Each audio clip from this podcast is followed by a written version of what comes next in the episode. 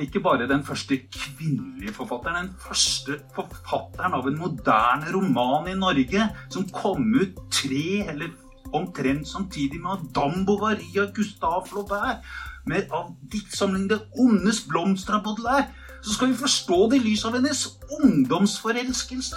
Hvor i helvete kommer denne tolkningen fra? Generasjon etter generasjon har fått høre om Camilla Colletts ungdomsforelskelse i Johan Sebastian Welhaven. Den historien er det på tide å legge mye mindre vekt på, mener Marius Wulfsberg. Han forsker på Camilla Colletts brev, og hadde foredrag om en av 1800-tallets virkelig store norske intellektuelle på Kapittelfestivalen i 2020. Dette arrangementet er en del av serien Klassikerlørdag, som arrangeres av Kielland-senteret, som holder til på Sølvberget. Og tusen takk for invitasjonen og for å komme hit og snakke med folk som man kan se, til og med. Ansikt til ansikt i samme rom. Det er jo noe man ikke kan ta for gitt. Eh, ja, eh, det jeg skal gjøre, er også snakke. Dette er ikke manuset. Dette er en utskrift av de brevene som ligger til grunn for foredraget. Jeg skal presentere dette arbeidet litt mer. Og som jeg bare vil si, det er når man, selv når vi skriver det, så blir vi helt overveldet. Du verden, det er jo en stor samling. Men i dag publiserer vi det på nett. Så hvis noen er interessert, så kan man gå på bokselskap.no, søke på Camilla Collett, og så finne alle brevene som vi har transkribert og kommentert og utgitt der. Og masse annen, andre brev og bøker, klassikere. Jeg har skrevet et manus. Jeg begynner med å lese, og så liksom kjenner jeg litt på hvordan dette her går. sånn at jeg liksom får peilet meg inn og får satt kursen, sånn at jeg ikke svirrer rundt. Camilla Collett levde nesten gjennom hele det 19. århundre. Hun ble født i Kristiansand 23.1.1813 og døde i Kristiania 6.3.1895. Og selv min sønn på syv vet at hun ble 93 år. Nei, 92 år. Nei, 82 år. Han, han sier det riktig, jeg roter. Eh, heldigvis var hennes liv ikke bare langt, men også fylt av begivenheter. Selskapelighet, forelskelser, ekteskap, vennskap, glede, sorg, skriving, debatt, polemikk, kritikk uvennskap og kamp. Hun hadde ikke bare livslange venner, men også livslange uvenner. Eh, I hennes forfatterskap snor kampen for likestilling seg som en rød tråd helt fra essayet 'Nogle strikketøysbetraktninger' fra 1842 og romanen 'Amtmannens døtre', som kom på, i 1854 og 55, i to bind, og frem til hennes senere bøker, som 'Det flammende manifestet' fra De stummes leir. Men Collett var også en ivrig og lidenskapelig brevskriver fra hun var i tenårene, helt frem til sin død. Til sammen finnes det 1050 etterlatte brev av Collett hvorav 900 befinner seg i Nasjonalbibliotekets samling. Om det finnes en rød tråd i disse brevene, er jeg ikke like sikker på. I større grad enn hennes forfatterskap gir brevene bilde av hennes hverdagsliv, skiftende sinnsstemninger, ulike livsfaser, fra den selskapelig anlagte unge Camilla Wergeland til hustruen Camilla Collett, moren til fire sønner, enken, eh, enken og til slutt, fra og med 1863 og helt til sin død, den reisende og omflakkende nomaden Camilla Collett, som til forskjell fra alle de mannlige forfatterne som også dro på kontinentet, til Paris og Roma, hadde ikke Collett noe hjem å vende tilbake til. Hun var hjemløs fra 1863 til sin død, i betydningen et fast hjem. De siste sju årene har jeg og et knippe kolleger ved Nasjonalbiblioteket arbeidet med å transkribere, kommentere og utgi disse brevene. Nærmere bestemt har vi fortsatt det arbeidet Leif Amundsen påbegynte på 1920- og 30-tallet, og som resulterte i en firebindsutgave av Collets brev og dagbøker fra ungdomsårene, samt ektemannsbrev. Vi begynte, kanskje litt tradisjonelt, med å utgi hennes brev til de store norske forfatterne. Bjørnson, Ibsen, Jonas Lie. Så tok vi oss i det. Hvorfor det? Hvorfor skal vi utgi brevene til Ibsen, Bjørnsen og Lie? Nei, vi må tenke annerledes. Vi må utgi Colletts brev på andre premisser. Og det vi valgte å gjøre, var å, er å utgi dem nå kronologisk, eller som vi liker å si på Nasjonalbiblioteket, med tentativ kronologi. For helt sikre kan vi jo aldri være. Eh, og for noen år siden kom hennes brev fra hun giftet seg med Peter Jonas Collett i 1841 til hun ble enke i 1851.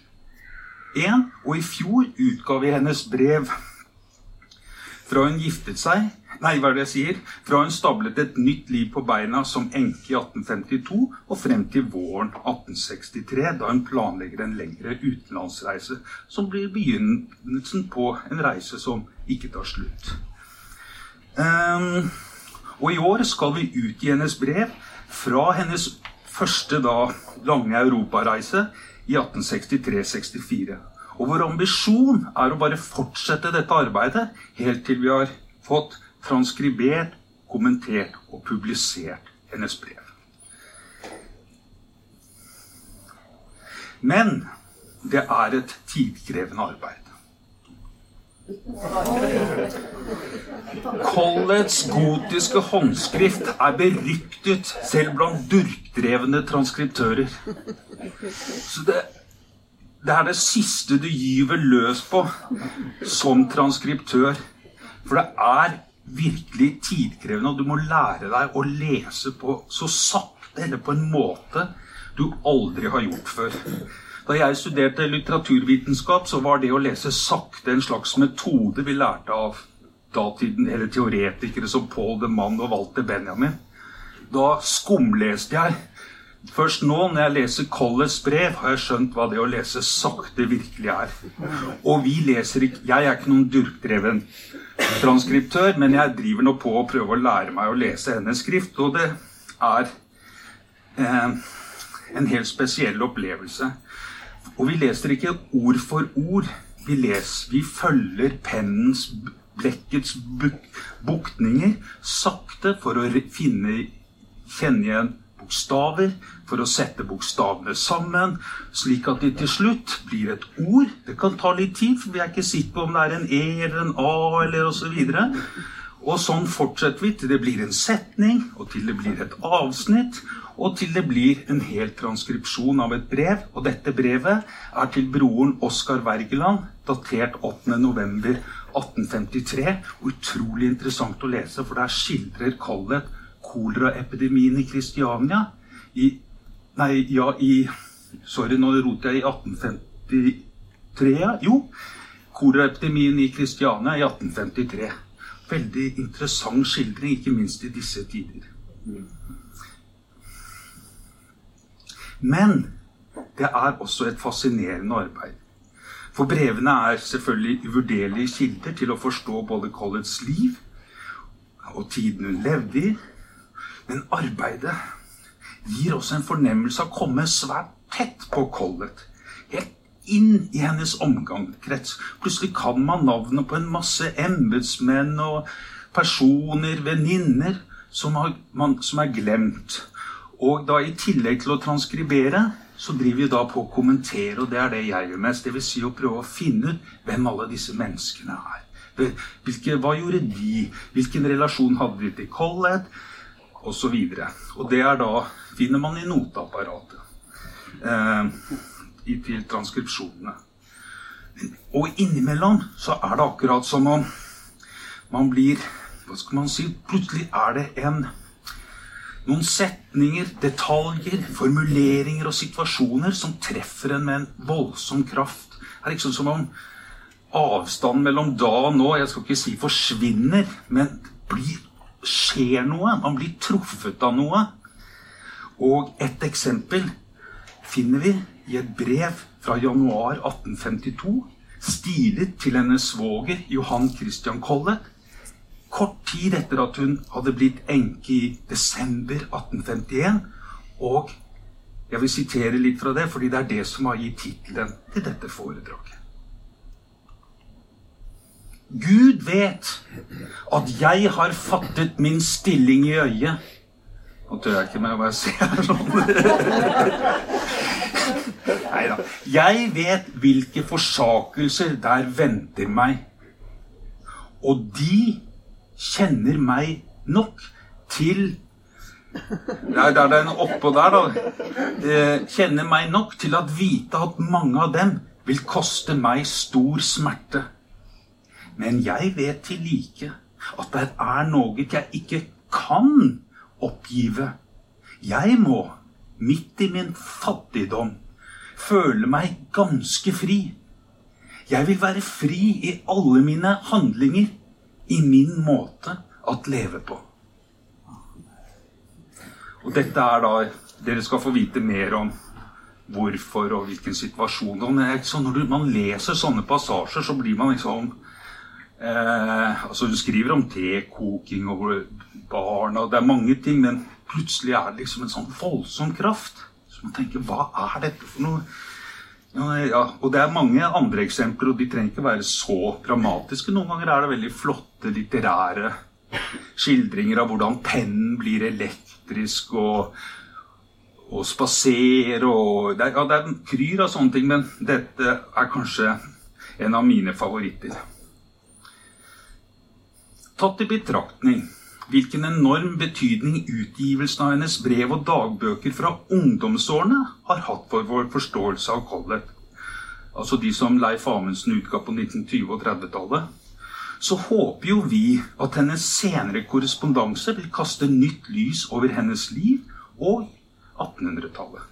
Ja, vi håper at de kan justere, nyansere, vårt bilde av Collett for til tross for at hun levde et langt liv med mange ulike faser, har et, og har et omfattende forfatterskap og da en stor korrespondanse, så har hun på en måte som ingen annen norsk forfatter blitt forstått i lys av én en enkel hendelse. Hun har blitt forstått. Hele hennes liv og hele hennes forfatterskap har blitt forstått i lys av ungdomsforelskelsen i Johan Sebastian Welhaven. Det er ingen overdrivelse å si at vår moderne forståelse av Collett eh, baserer seg på denne ungdomsforelskelsen eller affæren, og den har overskygget alle andre hendelser i hennes liv og ført til at vi har lest hennes forfatterskap, og kanskje særlig Amtmanns døtre, ene og alene i lys av den. Og det er ikke noe man alltid har gjort. Man gjorde ikke det på 1800-tallet. Altså slutten av 1800-tallet. Da visste man ikke at hun hadde vært forelsket i Welhaven. Det var en personlig og privat livserfaring, men det var ikke noen skjebne, slik det skulle bli senere. Og det var ikke Collett som gjorde det til en skjebne, men andre. Uten at jeg her skal gå i detalj, så var det nettopp med Amundsens utgivelse av hennes dagbøker fra ungdomsårene at forelskelsen i Welhaven, som strakk seg fra 1830 til 1836, ble etablert som, og jeg siterer, nøkkelen til Camilla Colletts senere forfatterskap og livsgjerning. Og senere er denne forestillingen blitt gjentatt utbrodert av generasjon på generasjon med litteraturhistorikere, fra Francis Bull til Erik Bjerg Hagen, uten at de har konsultert originalkildene, men basert seg på Amundsens bøker, som da består, eller utgivelse av brevene fra 1828 til 1840. Ja, og Det er mange andre ting som jeg ikke skal gå inn for det har også med hvordan han ordner materialet. Plasserer det i ulike bind. Bare kort, da, sant? Det bindet, første bind, opptegnet fra ungdomsårene, der har han liksom tatt ut alle brevene og alle opptegnelsene gjennom og plassert alle opptegnelsene og brevene om Welhaven-affæren og plassert i ett bind, sånn at når vi leser det, så får vi jo inntrykk av at Wow, for en story! Men da Collett, altså Camilla Collett, hadde disse brevene, så lå de i et sort skriv sammen med altså løse blader, sammen med brever og dagbøker fra ektemannen og hennes egne skrifter. Det var liksom ikke et litterært verk. Og det er også liksom Men det er mer en sånn filologisk og estetisk grunn til at denne historien har blitt så sentral. Og Francis Bull, for nå klandre en som ikke kan svare for seg, eh, hevder til, ikke bare at Collett var Wergeland, Camilla Wergeland var forelsket i Welhaven fra 1830 til 36, kanskje til 37, var noe etter kramper og sånn, selvfølgelig. Men han påstår i Norges litteraturhistorie, som legger grunnlaget for den moderne norske litteraturhistorieskrivningen, at forelskelsen i Welhaven blusset opp, flommet opp, rett etter at hun var blitt enke. Og ikke ungdomsforelskelsen i Welhaven, skriver, hun, skriver Bull, var ikke bare en, for, en ungdomsforelskelse. Det ble hennes skjebne og skulle prege hele hennes forfatterskap. Så det eh, Ja. Dere tror kanskje jeg tuller, men hør her.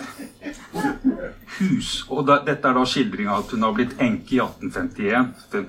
Og vi er da et stykke inn på 1852. Husvennen ble borte. Ensomheten knuget henne, og etter hvert steg det atter opp i hennes sinn det smertefulle, gamle spørsmålet. Hadde Welhaven virkelig elsket henne? Og kunne det ha gått annerledes med ham og henne om hun i rette tid hadde tatt mot til seg og vedstått sin kjærlighet til ham? Hun gjorde jo det på 1830. Det var jo det noe det hun faktisk gjorde. Hun vedsto seg kjærlighet i et av brevene. Eh, ja, men vel. På nytt tok hun sine ungdomsopptegnelser frem fra det sorte skrien, og mange av de stemningene hun nå gjenopplevde, fikk sin utløsning i Amtmanns døtre.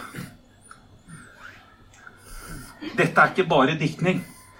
Dette skyldes også at et av brevene han baserer seg på, er feildatert. Det er datert til 1852, men er med all sannsynlighet skrevet en eller annen gang på slutten av 1850-tallet, 59 eller 1860 eller 61, fordi da tok Welhavens kone, Josefine Welhaven, født Bidolak, eh, kontakt med Camilla og forsøkte å forsone og, eh, Johan Sebastian og Camilla, sånn at de kunne bli omgangsvenner. Det forsøket førte til et brudd mellom Camilla og Josefine, og de hadde ikke noe mer med hverandre å gjøre. Hvis vi rekker det, så kan jeg komme inn på de detaljene etter hvert. Men det er ikke bare diktning. Det er også at uh, Hva skal vi si Det er en av de grunnene til at vi snakker om tentativ kronologi. Det er ikke bare fordi det høres litt flott ut. Det er også fordi vi ikke kan være helt sikre. Så vi driver på da og tenker er det sannsynlig at hun ja, jeg skal skildre den tiden da når hun nettopp har blitt enke, at hun da gikk og tenkte på Welhaven. I fem, altså 51, 52, 53, 54. 55-57, da hun drev på og liksom etablerte et nytt liv for seg og sine sønner.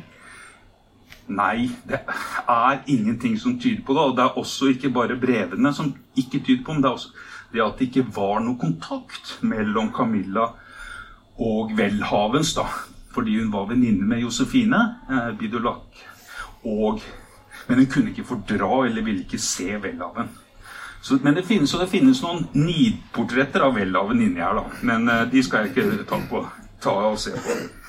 I stedet skal jeg forsøke å gi dere et bilde av hvordan tiden på 1852 og frem til 63 var for Camilla Collett da hun hadde blitt enke og etter hvert etablert seg for, som forfatter. Skal vi se nå ble jeg så ivrig at jeg jo da glemte å vise dere bildet av fotografiet av Dette er fra fotoalbumene til college-slekten. Veldig interessant å se på. Dette er ett ark. Henrik Wergeland, Johan Sebastian Welhaven, Camilla Collett, Peter Jonas Collett, ektemannen. Eh, og det er på en måte liksom, Dette er jo nesten sånn, et litterær anegalleri. Peter Jonas Collett var en fryktet og skarp litteraturkritiker. Henrik Wergeland trenger jeg ikke si noe om, og Welhaven var jo en habil poet.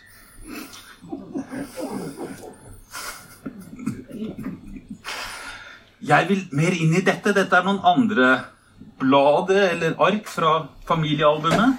Sånn, her er det sånn, Hvem i alle dager er dette?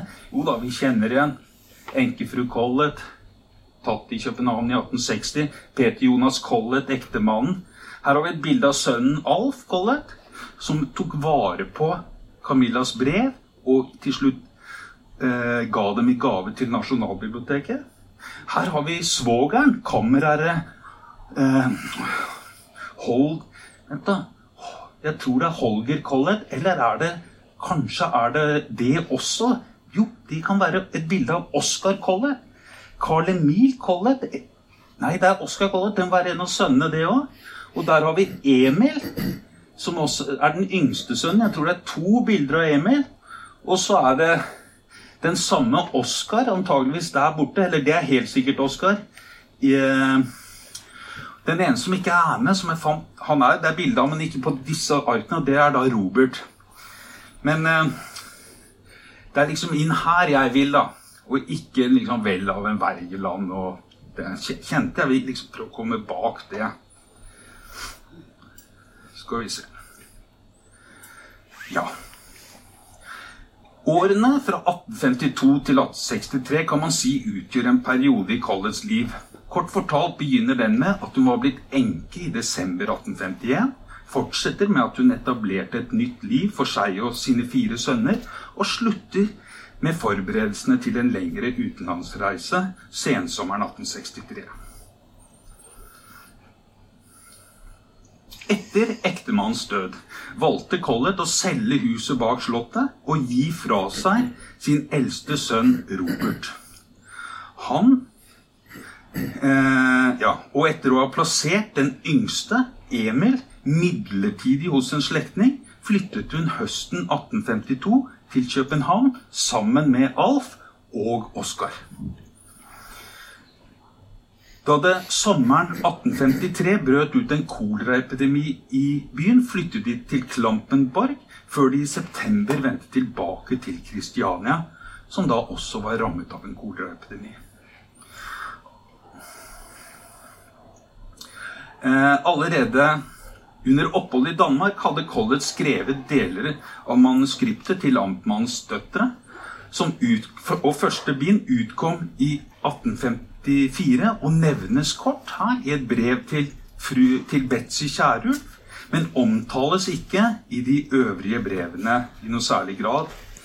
Det er et eh, altså, Og våren 1855 så skrev hun ferdig andre del, som utkom i juni, og i et brev til Kristoffer Hansten, som var en sentral skikkelse i Kristiania, finnes det en diskusjon av tendensen i romanen. I 1855 så ble da Oscar, og ikke bare Robert, men Oscar, opptatt som pleiesønn hos en annen svoger som het Carl Emil Collett. Eh, og mens eh, sønnene Alf og Emil, han og han, ble boende hos, med, hos sin mor eh, gjennom hele denne perioden, eller frem til slutten av denne perioden. For i 1862-63 blir Alf student, og det blir Emil, og han skal begynne på Nissen latin- og realskole og flytter til en lærer, og etter hvert til en annen, til svigerinnen Sofie Stenstrup. Mens brevene da fra skal vi si, 1852 til 57 liksom skildrer hvordan Collett er opptatt av forfatterskapet, selvfølgelig, skriving, men først og fremst av sønnene. Og at de skal liksom hvordan, hvordan, skal vi få dette livet til å funke nå når jeg har blitt enke?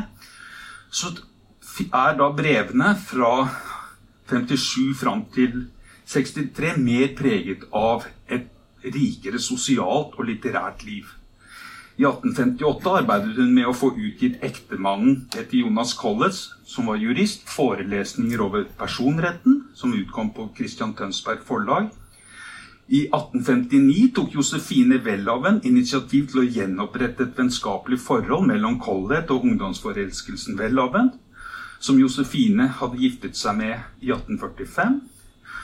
Collett fikk også tettere kontakt med grevinne Hedvig Jarlsberg, og i et fantastisk brev skildrer hun et kadettball på Jarlsberg hovedgård sommeren 1861. Hun engasjerte seg i universitetets 50-årsjubileum samme år og ledet komiteen av Kristianias dame, som fikk laget byster av hennes bror Henrik Wergeland og Welhaven til studentenes nyreiste samfunnsbygning. I brevene nevner hun også sine tre bokutgivelser fra denne perioden. Ikke bare Amtmanns døtre, men annenutgaven av Amtmanns døtre, som kom på Gyldendal Danske Forlag i 1860. Fortellinger, som kom på Mallings forlag i Kristiania i 61. Og I De lange netter, som kom på Cappelen i 63. Hvorfor snakker ikke Bull om dette? Hvorfor snakker han om vellavens ungdom? Eller Det er sånn ah, Hvorfor Så hun var jo liksom er noen fantastiske referater fra disse her eh, møtene i komiteen av Kristianias damer som lager disse byst, får lagd disse bystene. En pengeinnsamling. Og det er da Collett som presiderer som leder for denne komiteen. Men det er kritikk rundt omkring. Men Collett, eller, og små samtaler liksom rundt omkring i lokalet, og da innfører en litt så skal vi si, strenge Collett en regel om at det ikke er lov til å snakke sammen i små grupper, men alt skal tas frem i offentligheten. Og det protesterer noen av de andre deltakerne på. Da. Skikkelig, Og da får hun seg en klokke å, ringe med hvis noen snakker to og to, tre og tre.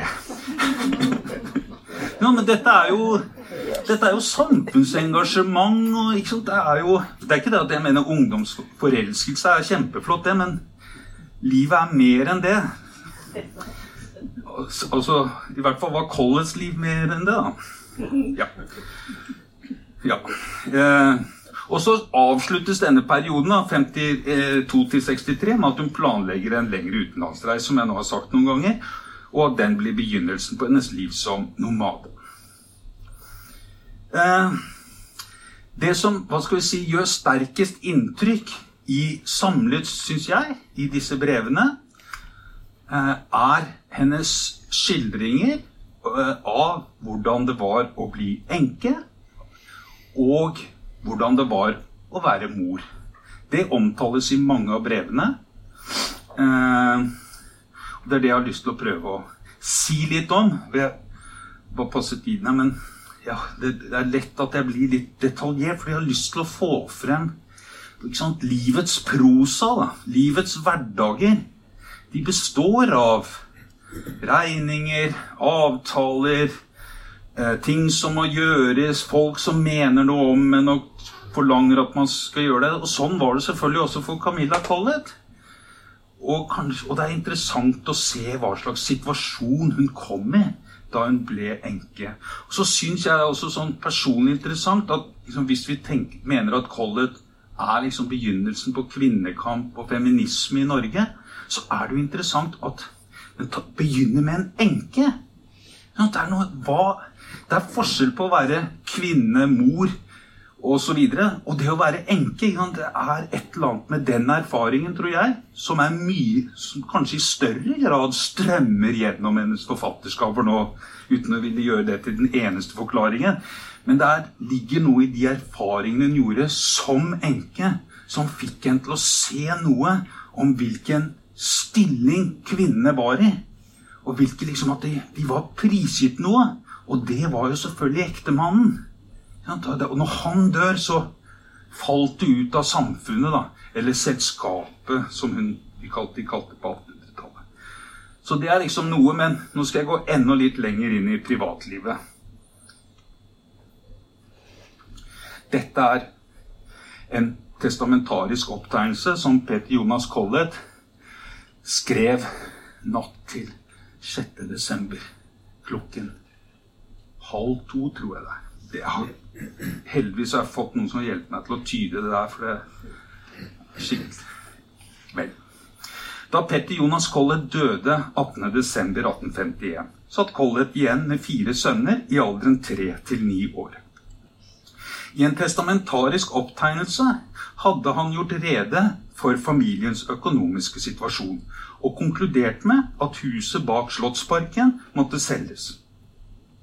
I opptegnelsen hadde han også uttrykt ønske om at sønnene ikke skulle splittes.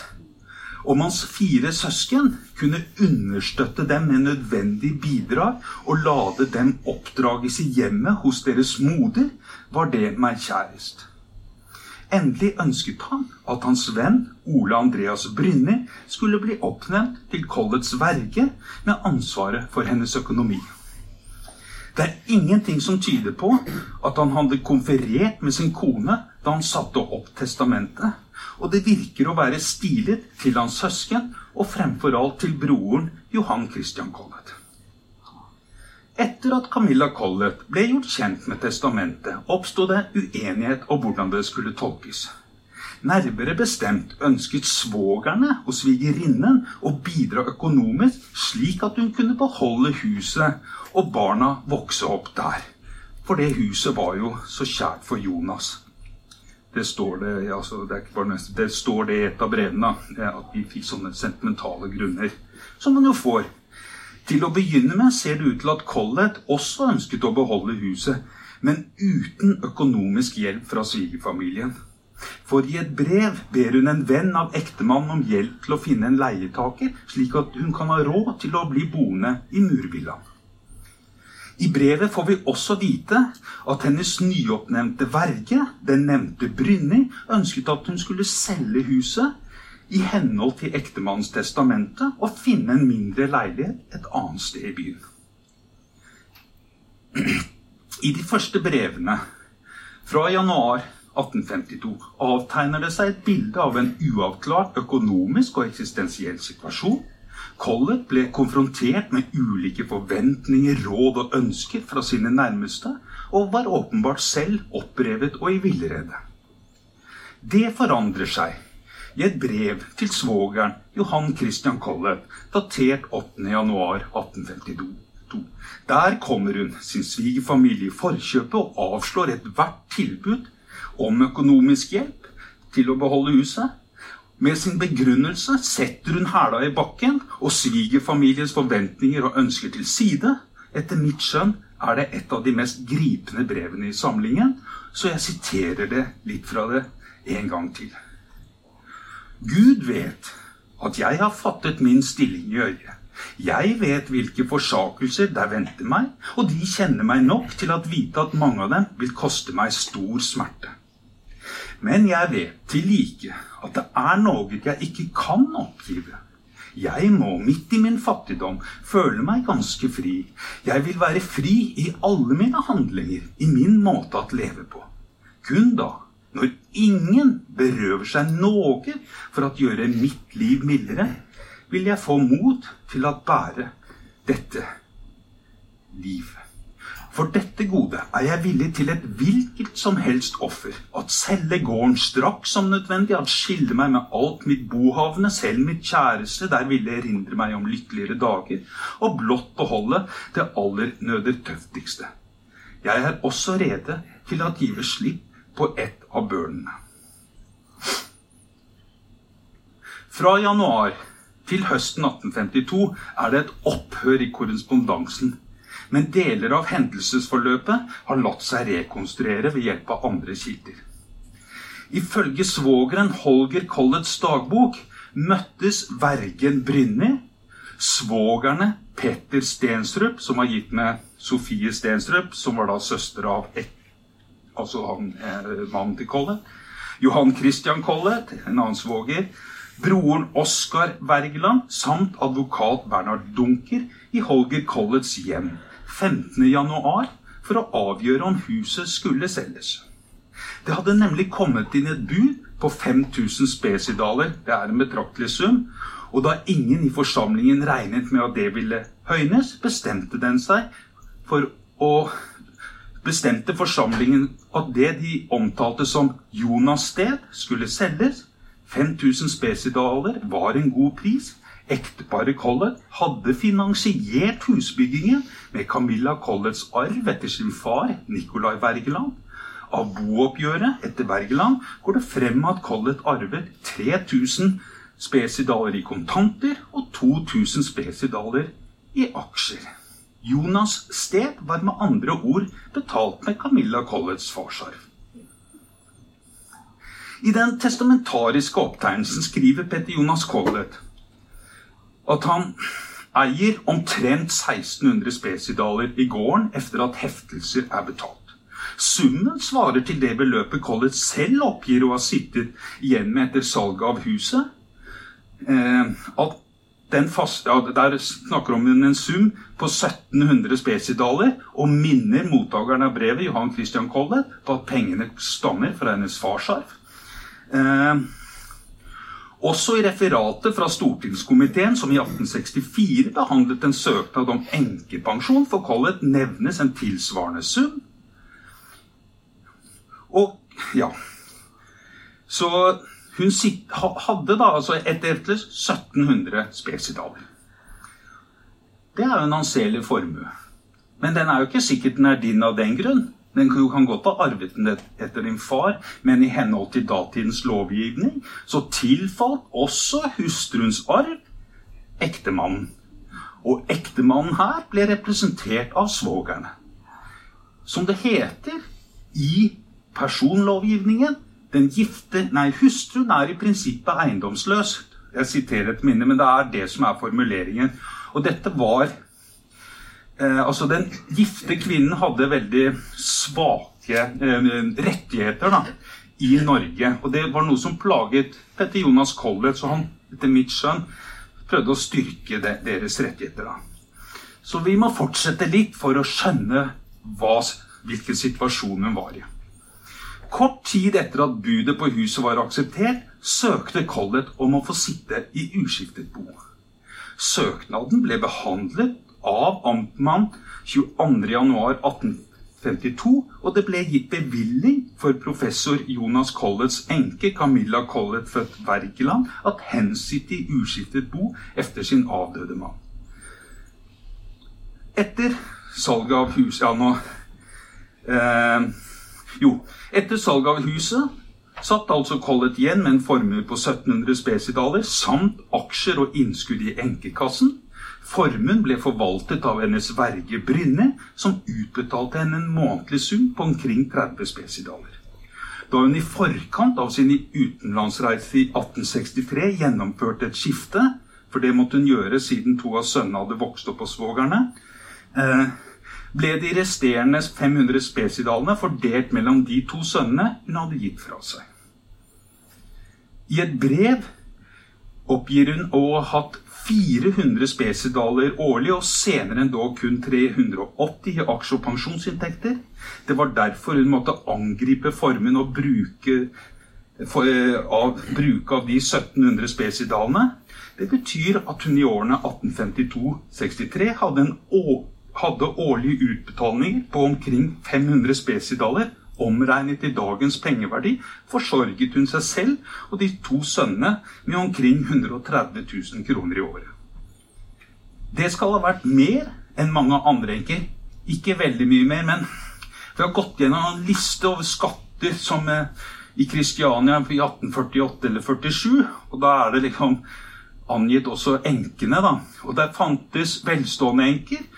Enkefru Grøningen, tror jeg het, som eide tomten hvor Stortinget nå er bygd, var en av de formuene i Kristiania. Men det var også selvfølgelig mange som levde på 100 spesidaler, kanskje mindre i året. Så, og Collett er vel sånn økonomisk midt i et sånn mellomsjikt. Vel. Men for Collett var det et stort fall både økonomisk og sosialt å bli enke. Des, så med disse tallene og denne økonomien forsøker jeg, vil jeg da prøve å kaste lys over den situasjonen hun befant seg da hun tok valget om å være fri i alle sine handlinger. Så det er liksom det som er skal vi si, realitetene, da. Og det er litt viktig, syns jeg, både for da får man litt sånn litt, Kanskje er eksistensielle opplevelsen av at dette er et fall. Samtidig, hvis det liksom ses i forhold til skatteligningen og sammenlignet med andre menneskekvinner i samme situasjon, at hun kom eh, ikke aller dårligst ut. Eh, så her har vi liksom to sider.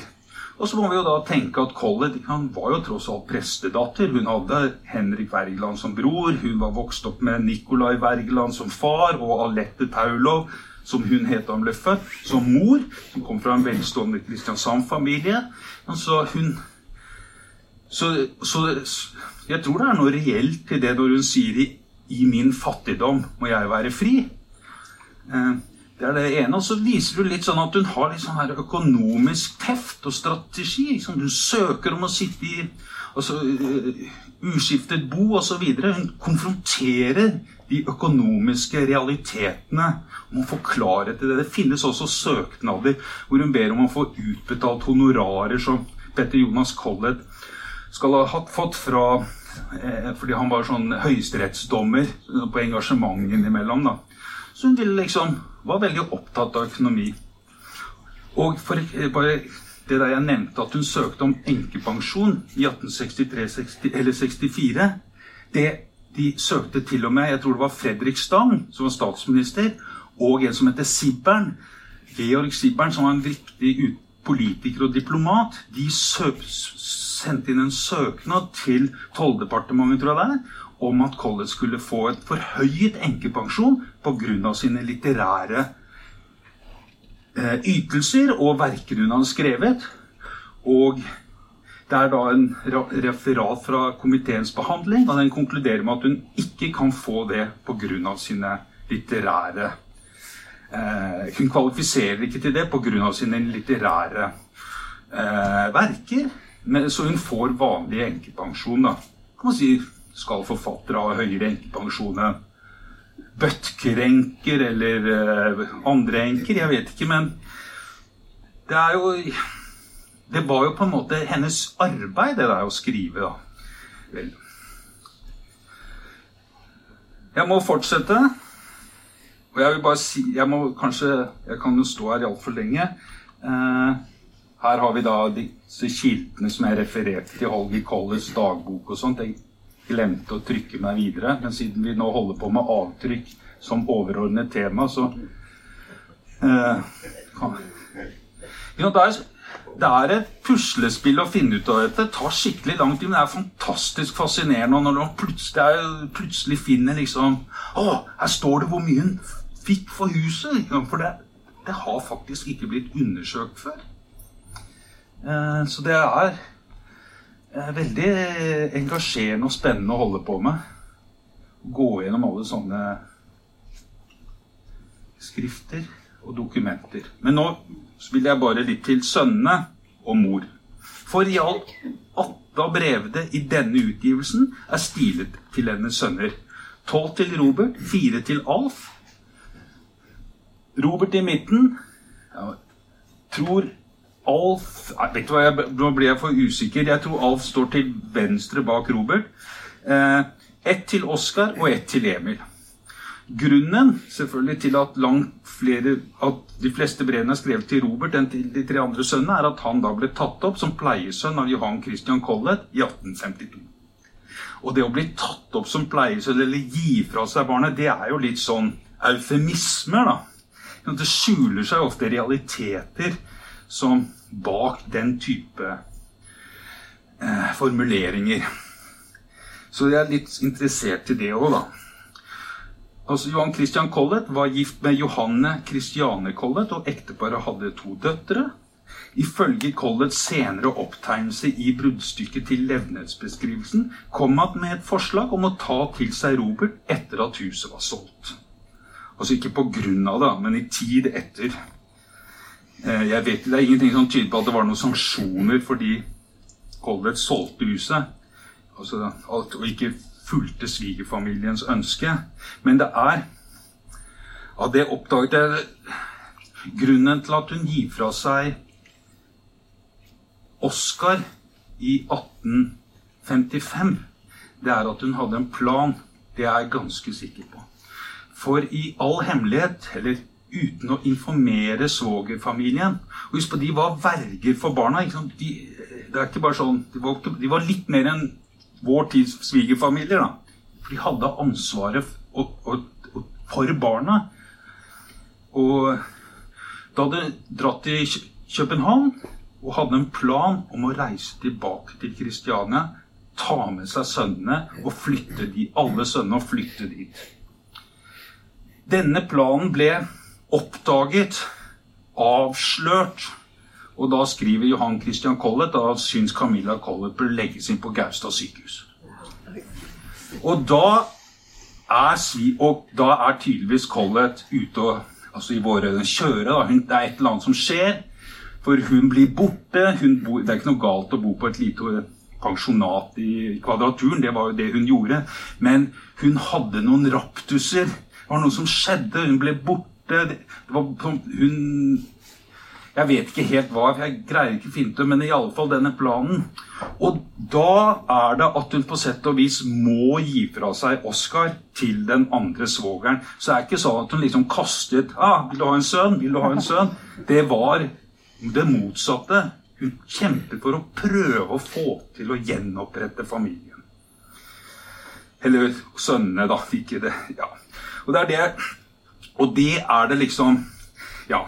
Eh, eh, det har jeg ikke tatt med her, da, fordi jeg oppdaget det litt sent, og så er det litt uklart. Men, men iallfall det at hun ga fra seg Robert, da, eller at han ble tatt opp som pleiesønn eh, hos svigersvogeren, førte til at de i perioder bodde langt fra hverandre, mens hun bodde i København og Klampenborg bodde han i Kristiania. I 1854 ble Johan Christian Collett amtmann i Kristians amt, og familien bodde på Lillehammer til 1859. I disse årene skrev Collett til Robert vekselvis fra Kristiania og København. Men brevene til Robert vitner ikke bare om den geografiske avstanden mellom dem. De forteller også en historie om den følelsesmessige avstanden. Tonen i de første brevene er lett. Hun forteller om deres hverdagslige gjøremål, om julefeiringer osv. Innimellom er hun sentimental og formanende, og minner han, særlig før han bursdager, om faren og ber om å skikke seg vel. Noen av disse brevene er skikkelig eksalterte. Jeg skal ikke lese, for det er sånne lange, men liksom maner frem bildet av faren, Petter Jonas Collett, og håper at liksom Robert på 13 liksom skal gjenoppreise minnet, eller liksom inkarnere denne avdøde faren, eh, osv. Eh, og de er veldig kraftige, da, eksalterte. De virker liksom litt ute, litt sånn desperat. Og da tenker jeg, hva, hva, kan, det være noe, liksom, kan det være noe mer bak dette? Skyldes det liksom bare Colletts psykiske konstitusjon, eller savn og sorgen etter Robert og barna og alt det som på en måte ble borte med ektemannens død? Eller kan det være noe annet? Så jeg begynte å lese brevene mellom disse svogerne. Det var da jeg oppdaget denne historien om, eh, som eh, førte til at Oskar ble satt bort. Og der er det at svogerfamilien betrakter Robert som en byrde. Han er et kors. Eh, Johan Christian Collett og Hanne Christiane Collett må bære, skriver Carl Emil, den andre broren, til Johan fordi han gjør guttestreker. Han har falt i den elven, eh, blant annet, og ble holdt på å drukne, men ble reddet. Det er også noe som kalles frimerkehistorien, og som Holger Collett eh, ikke vil omtale ved navn, eller fordi han syns det er så fryktelig. Og de er veldig bekymret for hvordan det skal gå med Robert som faller i vannet Kanskje har tatt noen frimerker, hva vet jeg. Men han har Collets venninne Maria Kolban sier at dette var helt vanlig hos ellers brave gutter.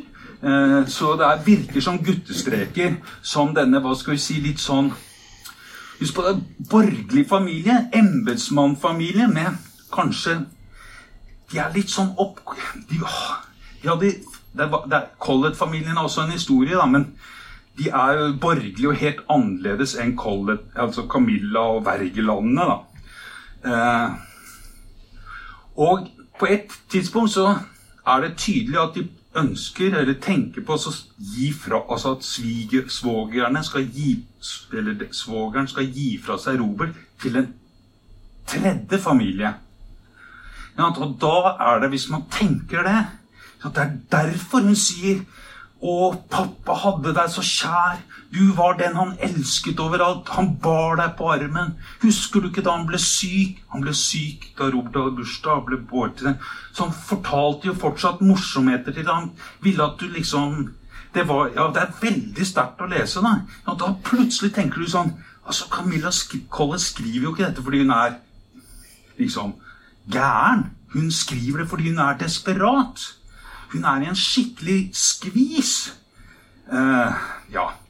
Og dette gjør jo at disse brevene jeg kan ikke gå inn til barna, kanskje til Robert, forteller oss jo en historie som vi, vi vet jo, har hørt sånne historier, om mødre som vokser opp med barn som ikke vet, eller som vokser opp hos andre familier, eller som kanskje ikke engang vet at eh, moren er moren. da. F.eks. i Hanna Vinsnes. Og nå må jeg lete eh, roman 'Det første skritt', som handler om en eh, guvernante eller hushjelp som er sønnen i husets mor, men det vet ikke sønnen. Og vi finner samme type erfaringer i Anna Karenina, i Lev Tolstoy. Og dette er ikke bare liksom romanerfaring. I Colles brev så er det noe av konteksten rundt brevene til Robert, da, som gjør at man eh, leser de på en litt annen måte. At dette her virkelig var, etter mitt skjønn da, Jeg skal ikke si det største traumet Jeg skal ikke ende opp som Francis Bull og liksom slå alle i hodet med disse erfaringene i all evighet. Men at disse var pre, altså virkelig formet livet hennes, er jeg helt overbevist om. Og også ungdomsforelskelse formende livene våre. Men dette er liksom både det å bli enke og dette med å gi fra seg barna Det er liksom, det stikker enda lenger inn i personligheten og i livet. Og Collett har jo noen hjerteskjærende skildringer av dette i upubliserte tekster, men litterært bearbeidede tekster. Særlig denne en bidrag til en levnetsbeskrivelse som vi har transkribert og publisert i Edda. Og jeg vil lese litt fra den, hvis jeg greier, da. Det går i tider som dem jeg opplevde, så fryktelige støt gjennom en sjel, at man ikke sporer rystelsen av det enkelte. Man er bedøvet. I en sådan bedøvelse ga jeg mitt barn fra meg. For aldri mer, i den forstand jeg mener, at gjenfinne ham. Jeg erindrer den dunkle, triste vinteraften da jeg brakte Robert, min førstefødte, ham som vi hadde gjort som eget vesen av, ned til sitt nye hjem. Fru C, det er Marie Kolba, der var hos meg i de første tunge uker, fulgte med. Hun ville vi skulle tage en vogn, men jeg syntes det var en lindring at gå. Og så gikk vi. Den dunkle, triste vinterskumring. Den ensomste vei vi kunne finne. Robert mellom oss. Hver med én hånd. Det var et sørgelig tog.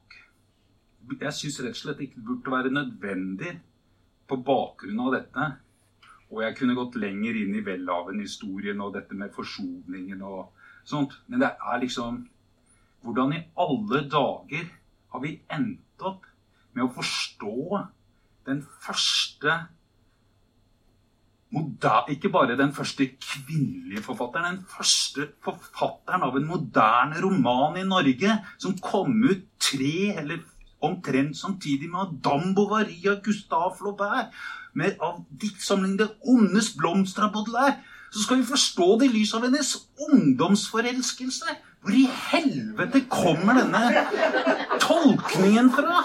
Så det er jo helt Hvordan går det an? Hvor forstokket er det mulig å bli? Så det er jo helt en katastrofe.